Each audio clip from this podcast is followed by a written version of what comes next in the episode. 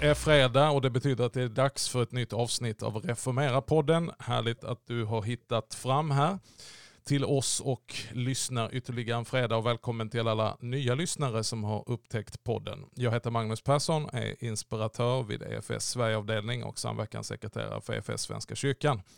Och jag är värd för podden och jag har gäster med mig varje gång. Jag ska också säga att podden görs i samarbete med EFS missionstidning Budbäraren och EFS Sverigeavdelning och Reformera, en tankesmedja om helkyrklighet. Förra fredagen så började jag ett samtal tillsammans med Bert Löndahl. Mångårig kyrkoherde, 40 år eh, i Bunkeflo och ledamot i kyrkostyrelsen, redaktör för Svensk pastoral tidskrift och författare till flera böcker. Och Bert är med mig. Vi ska fortsätta vårt samtal den här fredagen. Välkommen tillbaka Bert. Tack ska du ha. Du, vi har så mycket att säga, eller du har så mycket att säga och eh, jag vill så gärna lyssna vidare till det vi började på förra fredagen. Vi talade lite grann om likriktning kontra mångfald och överbyggnad, centralisering kontra lokalt församlingsbygge. Och är det någon som har mandat att tala om lokalt församlingsbygge och det verkligen engagerar dig så är det ju du. Du har 40 års erfarenhet av att ha stått på samma plats, byggt upp en levande församling och jag kommer ihåg första gången, 2014 på hösten, då jag för första gången hittade ut till Strandkyrkan i Bunkeflo. Och jag hade ju fortfarande som frikyrklig pastor, även om jag hade börjat min resa, lite förutfattade meningar om Svenska kyrkan och blev chockad och fick mycket av mina förutfattade meningar på fall när jag kom in i en kyrka och hade svårt att hitta en plats. Det var alltså fullt, inte bara i själva kyrksalen, utan ni hade fått öppna upp så folk satt på ditsläpade lösstolar långt utanför den traditionella kyrkorummet så att säga. Och det var 2014. Ja, det är ju viktigt att säga att Bunkeflo strandkyrka är inte riktigt lika stor som Ärkedomen i Uppsala. Nej, det, det är i och för sig sant. Va? Men, men det fråntar inte fakta att, att, den, att den, är, den är fullsatt.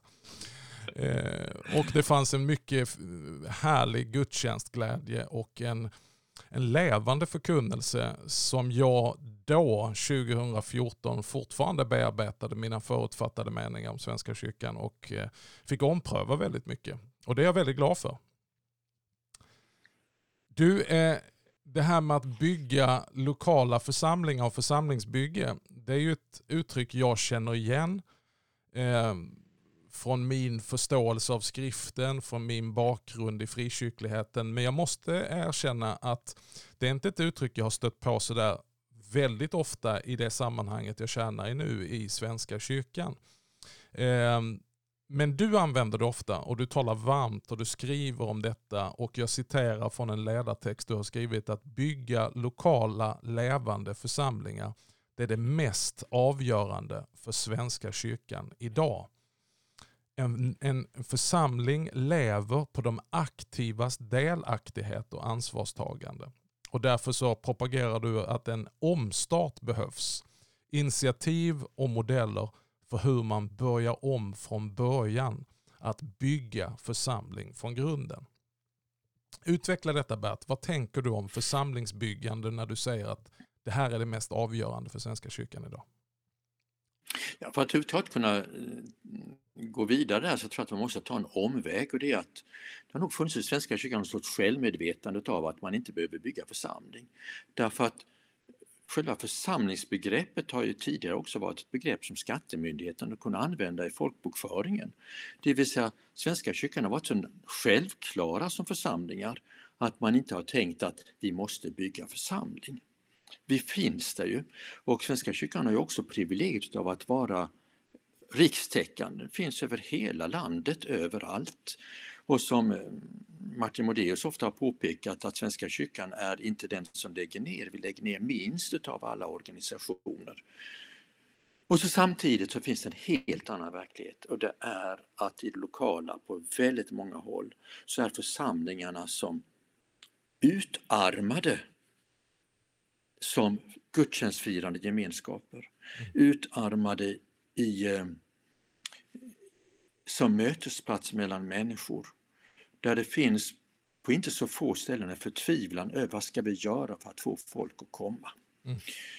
Och bara den frågan tycker jag ur min synvinkel delvis är felställd därför att när vi firar gudstjänst så har vi en tendens att fundera så här, hur ska vi fira gudstjänst för att få folk att komma?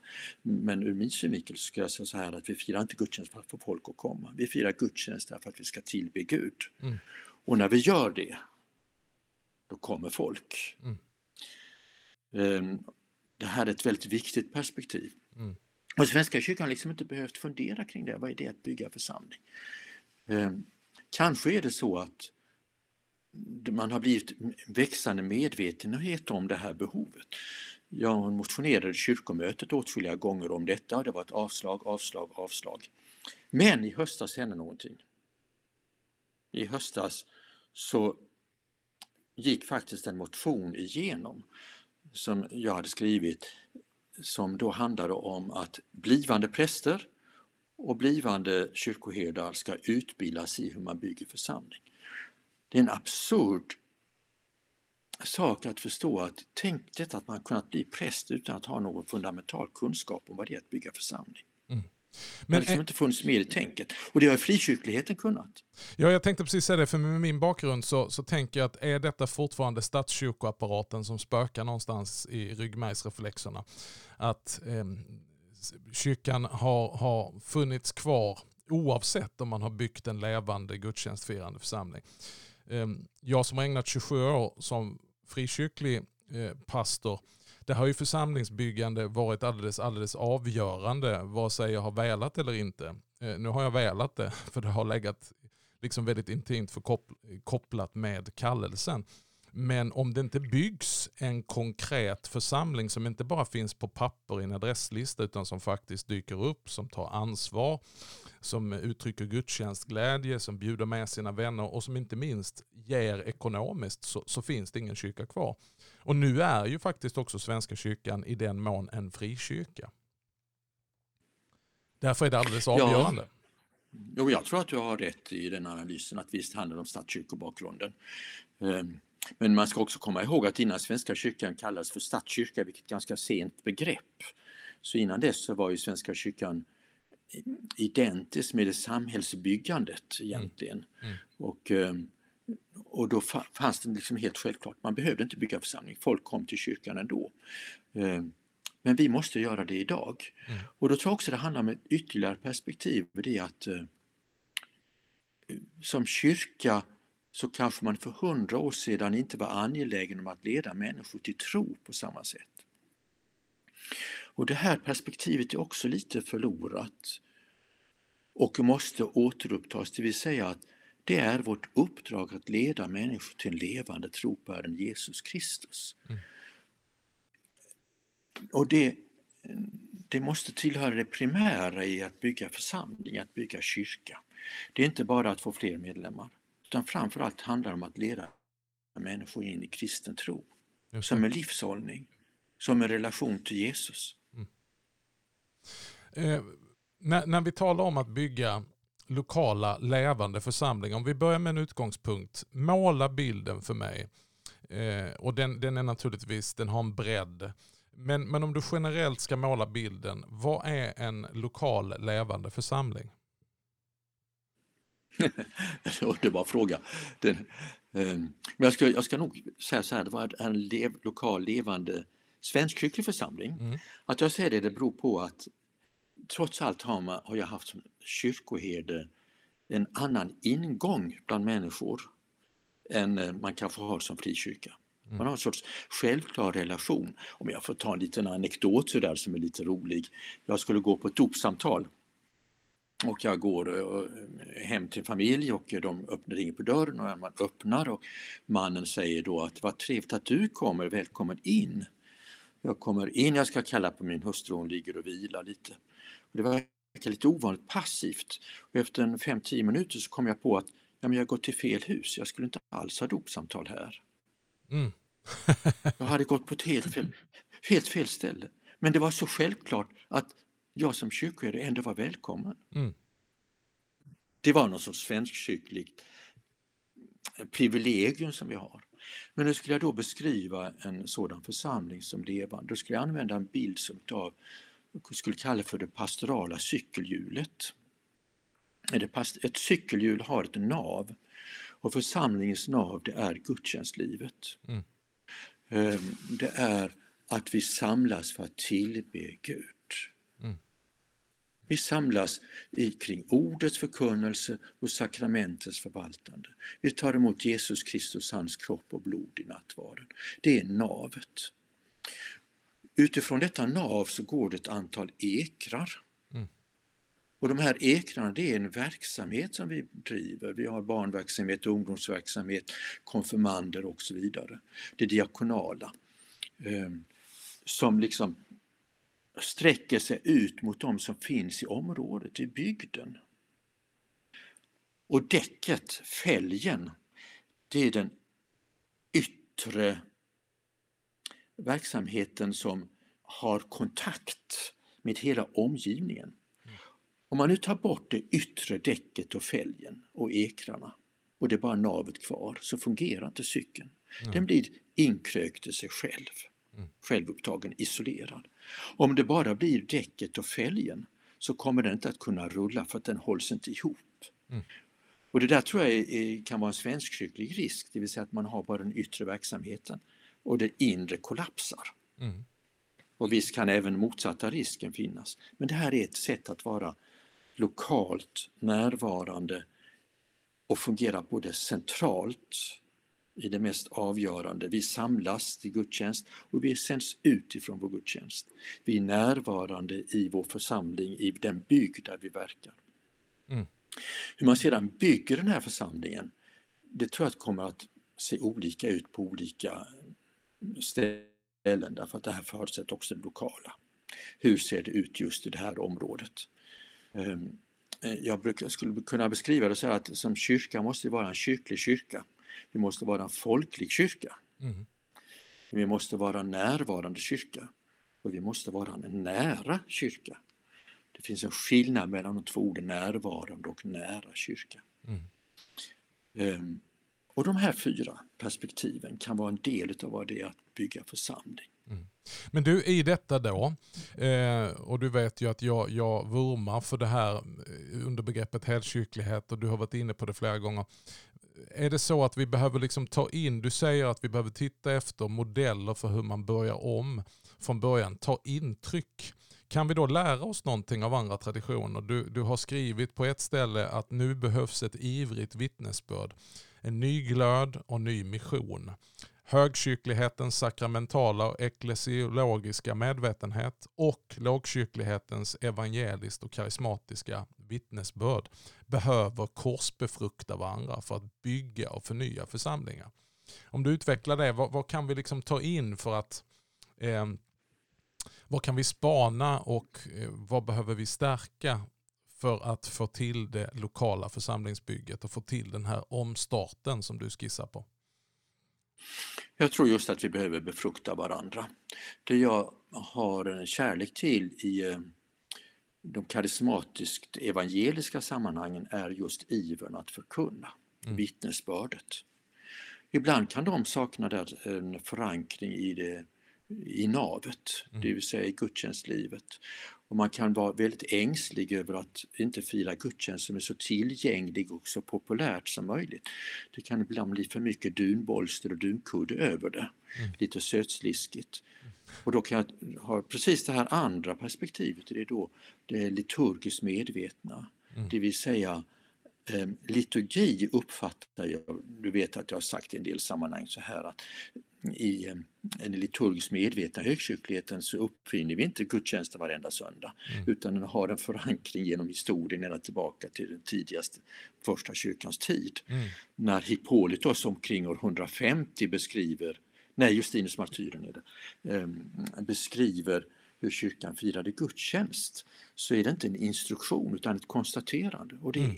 100 år efter det att Kristus dog. Mm. Och den, han beskriver det sätt som Ehm, vi kan säga den allmänkyrkliga bredden fortfarande firar gudstjänster på. Så jag tror att man ska ha tilltro till det här arvet. Mm. Men det arvet kan i sin tur bli ett fängelse om man inte förstår att det måste bära samma iver som finns i det evangeliska, karismatiska. Mm. Vi vill vittna om Herren Jesus Kristus. Vi vill vittna om detta och så vågar man till och med använda stororden som jag älskar. Mm. De som är så underbara beskrivningar på människans existentiella villkor. Mm. Synd och nåd, skuld och försoning och så vidare. Ja. Ehm, så när vi ser att detta befruktar varandra och tittar i Svenska kyrkan, de församlingar som verkligen växer, det är där detta gifter sig med varandra.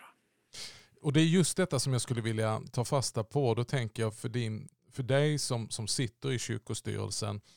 Eh, vi har ju exempel i vår kyrka, många goda exempel. Jag har ju förmånen att få resa runt och, och se hur det faktiskt finns lokala levande församlingar. Och senast här nu så, så gjorde jag ytterligare ett besök i Church of England som har mycket eh, som ett relevant exempel skulle jag säga för Svenska kyrkan, den engelska kyrkan. Det är väldigt mycket som är, som är likt i kultur och miljö och kyrkans uppbyggnad. Eh, men eh, och, och, och, där har man ju lyckats med detta att tumma kyrkor och kyrkor som har varit nedläggningshotade har fått nytt liv. Där man har öppnat upp för mångfald och ta, tagit nya initiativ. Vi var bland annat och besökte St. Paul's i East London som för 30 år sedan stod tum och var nedläggningshotad. Idag är det en levande församling som firar inte mindre än tre gudstjänster varje söndag och har i sin tur gett liv och sänt ut team så att ytterligare nio kyrkor har fått vara med om en omstart. Då tänker jag för dig som många år i kyrkoherde, nu ledamot i kyrkostyrelsen. Hur skulle vi kunna se detta ske i Svenska kyrkan? Jag tycker det är underbart för jag har sett det här också i England. Och jag har sett det just när man eh, Ibland kan det finnas evangelikala drag som kan vara så upptagna av ett, något sorts antiliturgi. Mm. Och då tror jag man förlorar någonting. Men där man kan möta det här Ehm, så utvecklas ju någonting som är väldigt, väldigt levande. Mm. Eh, vittnesbördet, ivern. Ehm, om jag skulle fundera vidare så tror jag att ehm, Svenska kyrkan nyplanterar inte utan man ska väcka liv i någonting som är nästan till dött. Mm. Kan man säga att det är en skillnad i förhållande till frikyrkorna ibland, de nyplanterar och likadant. Men i Church of England så väckte man liv i någonting som var nästan dött. Exakt, man nystartar um, snarare. Ja, man nystartar och omstartar. Um, en sak är att börja i frågan att se vad man har mm. och blåsa liv i det, men också se vad man saknar. Och då tror jag att primärt är mötet med enskilda människor. Vi kan skapa enorma saker där vi har stora evenemang och många kommer. Men ska jag verkligen leda människor till en levande tro och de ska vara kvar och inte bli utbrända eller trötta på det så måste det också ske en hjärtats omvändelse. Mm. Där tror jag sådant, så det här är perspektivet både av det lilla mötet, det enskilda mötet, öppenheten för själavården, för undervisning i alfagrupper eller katekumenat eller vilken modell man väljer. Den enskilda undervisningen som väcker insikten om vad jag behöver. Precis som jag har de stora inropande sammanhangen. Mm. Jag har också sett det här. Jag besökte för inte så länge sedan själv eh, Lake District, eh, Peak District var det i London. Förlåt, i England, nära Manchester. Ehm, där också fanns en eh, sådan församling som hade förvandlats på djupet. Mm. En liten bykyrka där någonting genomgående, genomgripande hade skett. Mm. Ehm, sen har jag ju visioner och idéer kring detta men till det mest fundamentala hör stabilitet. Stabilitet, med det menar jag att man är närvarande kontinuerligt. Mm. Det andra ordet är kontinuitet, det vill säga att präster inte byts ut hela tiden. Nej. Utan man är kvar mm. och skapar relationer till människor. Mm. Ehm, stabiliteten till det hör att man inte ständigt byter sätt att bygga utan man litar till de grundläggande former man arbetar med så att de får sätta sig. Eh, Det var stabilitet, kontinuitet och så ordet närvaro. Mm. Jag tror att eh, Svenska kyrkans eh, har en tendens att vara alltför upptagen av arbetsreglerande normer. Som det påpekas ibland, vi blir mer upptagna av prästernas arbetsschema än vad de faktiskt behöver vara i relation till människor. Mm. Och det är också någonting som vi annars förlorar. Vi måste vara där. Mm. Och du vet, eh, du vet att jag bodde i min församling i alla år. Mm. 700 meter från den kyrka där jag var kyrkoherde. Mm. Och vad det betyder, betyder enormt mycket. Så vilka, om, om vi ska landa då, eh, Bert, det här är jättemånga frågor som finns i luften, men som kyrka idag, Svenska kyrkan, vilka vägval behöver vi göra för framtiden eh, för att befrämja den utveckling som du talar om? Eh, vad är din önskedröm för kyrkan att man skulle satsa på? På vilka nivåer behöver vi göra våra insatser? Du har nämnt alltifrån prästernas utbildning till bygget av lokala församlingar. Men om vi ska tänka i någon sorts makroperspektiv, vilken, vilken riktning skulle kyrkan behöva gå i? Vilka vägval skulle kyrkan på, på, på högsta nivå behöva fatta för att befrämja detta? Det första jag skulle säga, en grundläggande vilja att leda människor till tro. Jag skulle inte säga att det finns riktigt. Och ändå, står, ändå står det som syfte i kyrkans grundläggande uppgift. Eh, ja, vi, vi, citerar, vi citerar ju ofta första delen att vi ska fira gudstjänst, bedriva undervisning, diakoni och mission. Men sen kommer ju syftesförklaringen och den hör man inte så ofta. Att människor ska komma Nej. till tro på Kristus. Ja, ärkebiskopen Modéus, Martin Modéus nämnde detta faktiskt vid när jag intervjuade honom. Att detta grundsyfte, att leda människor till tro på Jesus Kristus, är primärt och vi måste ta det på allvar. Mm. Men ändå när jag tittar på debatter i kyrkomötet och kyrkostyrelsen, kyrkostyrelsen är ju Svenska kyrkans riksstyrelse, så ser jag att detta är inte det prioriterade. Då skulle man kunna säga så här att ja, men det är en lokal fråga och det är det det är en lokal fråga, det är i det lokala det händer. Men det är också en mental inställning som vi behöver ha på alla nivåer i Svenska kyrkan. En iver att faktiskt fungera på ett sådant sätt mm. att jag vill omfatta eh, att Jesus Kristus behöver vi för vår frälsnings skull. Mm.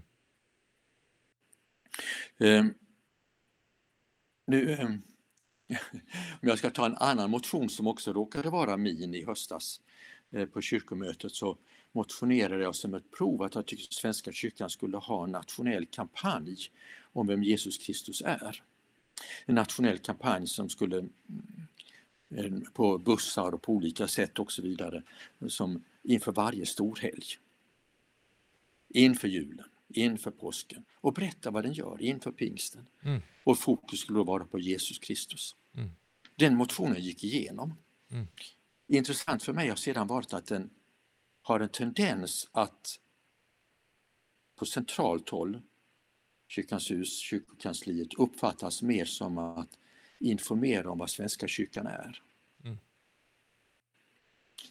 Um, Svenska kyrkan, men visst en motion som ska handla om en kampanj där vi talar om att via storhelgerna så berättar vi detta är kyrkan idag. Mm. Detta är Jesus Kristus. Mm. Inte vad kyrkan är, utan vem Jesus Kristus är mm. och vad han har gjort för oss. Mm. Ser du några andra vägval? Det här är ett grundläggande och väldigt avgörande vägval. Det är att intresset av att faktiskt leda andra människor till tro, på och gemenskap med Jesus Kristus. Eh, vad, vad, är det fler för några insatser som du drömmer om?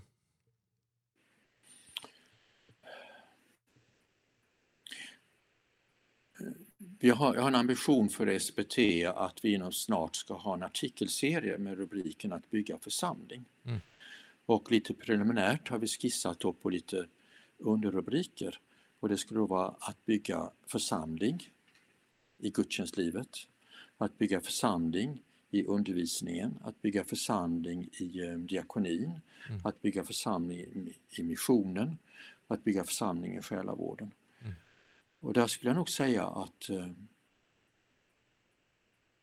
i det lokala sammanhanget så behöver man utifrån perspektivet, grundfrågan, hur ska vi verka och vara som församling för att hjälpa människor till denna levande tro på Kristus? Mm. Eh, utan att jag därmed säger att så här ska man göra eller detta är min vision, utan jag bara ser att det här måste göras, det här måste och det är en ny glöd och en ny iver det handlar om. Mm. Jag skulle till och med kunna beskriva det som någon sorts grundläggande omvändelse i Svenska kyrkans inställning. Vi är, vi är att gå från en majoritetskyrka till minoritetskyrka. Mm. Vi måste gå från att vara från ett open perspektiv till att vara det perspektivet av vad är vi egentligen till för. Mm. En förståelse av vår identitet som kyrka, inte som statskyrka utan som en del av Kristi kyrka. Mm. Och då, då ska jag ta, gärna tala om en omvändelse. Mm. Och då tänker jag att då finns det en resurs, absolut inte som kan hjälpa och lösa alla problem, eh, utan en resurs som i all ödmjukhet, det finns ju många olika väckelserörelser inom Svenska kyrkan. Jag tjänar en av dem, EFS, som inte är ett eget trossamfund, som inte är en frikyrka, utan som är en väckelserörelse just inom Svenska kyrkan. Vi har ju formulerat vår vision så här, varför finns vi till? Jo, vi vill se människor och samhällen förvandlade av Jesus Kristus. Mm, mm. Genom att utrusta människor att växa i lärjungaskap så att de kan leva mission och forma kristna gemenskaper. Och då mm, tänker man så här, mm. på vilket sätt kan man använda FS i långt större grad till att bli en resurs i denna rörelse?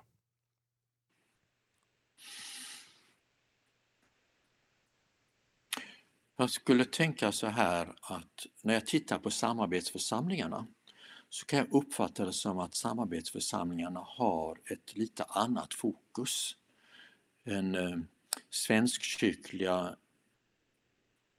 mer normalt svenskkyrkliga församlingar har. Och det är fokuset eh, att verkligen ha den levande förkunnelsen, den levande medvetenheten om vem Jesus är, att vilja förmedla detta. Mm. Det finns en iver i det. Mm. Eh, och där tror jag att man kan befrukta. Mm. Det, det, och det är här vi måste lära oss av varandra. Mm.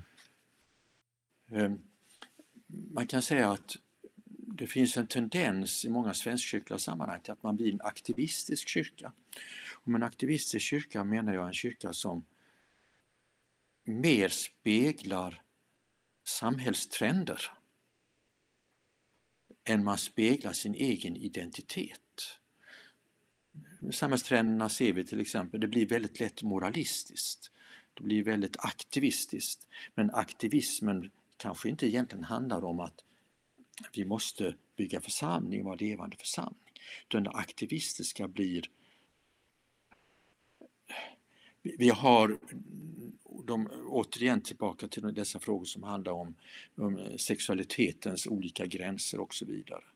Där ju många församlingar, det var ju det som den här satiren drev med, eh, där många församlingar och många sammanhang så blir det så normerande och så primärt att kyrkans egen identitet liksom tonas ned. Ja, men, eh, jag ser fram emot Bert, att läsa mer eh, om SPTs kommande serie eh, som jag, om jag förstått det rätt, eh, kommer ganska snart om just det här med församlingsbyggande utifrån olika perspektiv. Eh, den som inte har tillgång... Det dröjer några nummer, men det, vi skissar på det. Ja. Om vi ska säga någonting till slut här om SPT, Svensk pastoral tidskrift. Den som inte är bekant med den och som skulle vilja läsa den, var, var finns den? Hur kan man få tag på den? Dels finns den som på webben, det finns en webbversion, man kan prenumerera på den där. Det finns ett enkelt nyhetsbrev mm. som ger inblickar i den och så kan man då också prenumerera på den i sin pappersversion. Den har en profil som innebär att den är teologisk ehm, men inriktad kan man säga både på präster och lekfolk. Mm. Fördjupande artiklar. Titta på nätet pastoraltidskrift.se, pastoraltidskrift.se så hittar man den där. Och jag rekommenderar det varmt. Där finns mycket matnyttigt och eh, både utmanande och uppbyggande artiklar skrivna av en mångfald skulle jag säga av kyrkans olika tjänare och tjänarinnor. Eh, Bert, tack så jättemycket. Det finns så mycket mer vi skulle kunna fördjupa oss i. Men du har varit med här nu i två avsnitt och eh, utmanat oss om att våga vara kyrka. Att våga vara centrerade kring kyrkans centrum och Herre Jesus Kristus. Att våga erbjuda honom och räcka honom till vår omgivning. Att göra det utifrån en stabilitet i det som är kyrkans centrum, en kontinuitet och att vara nära och närvarande. Det vill säga inte ett långdistansförhållande till vårt pastorat eller vår församling utan att leva i det. Tack så jättemycket Bert Lundahl. Vi ber för dig och din viktiga uppgift vidare, inte minst i kyrkostyrelsen och som redaktör för SPT och alla andra initiativ du har. Och välkommen tillbaka till podden vid annat tillfälle. Och tack för att jag fick vara med och jag uppskattar väldigt mycket dina frågor. Och de utmanar mig lite därför att det inte är så enkelt alltid att hitta exakta svar utan de får också vara lite öppna. Det här måste vi arbeta med. Ja, men det tror jag är helt rätt och eh, det ligger i det här att vi har ett tydligt centrum men utrymme för en mångfald där en levande församling kan gestaltas på många olika sätt men som hämtar och växer fram utifrån vår gemensamma mylla i den tro som en gång för alla har överlämnats till de heliga.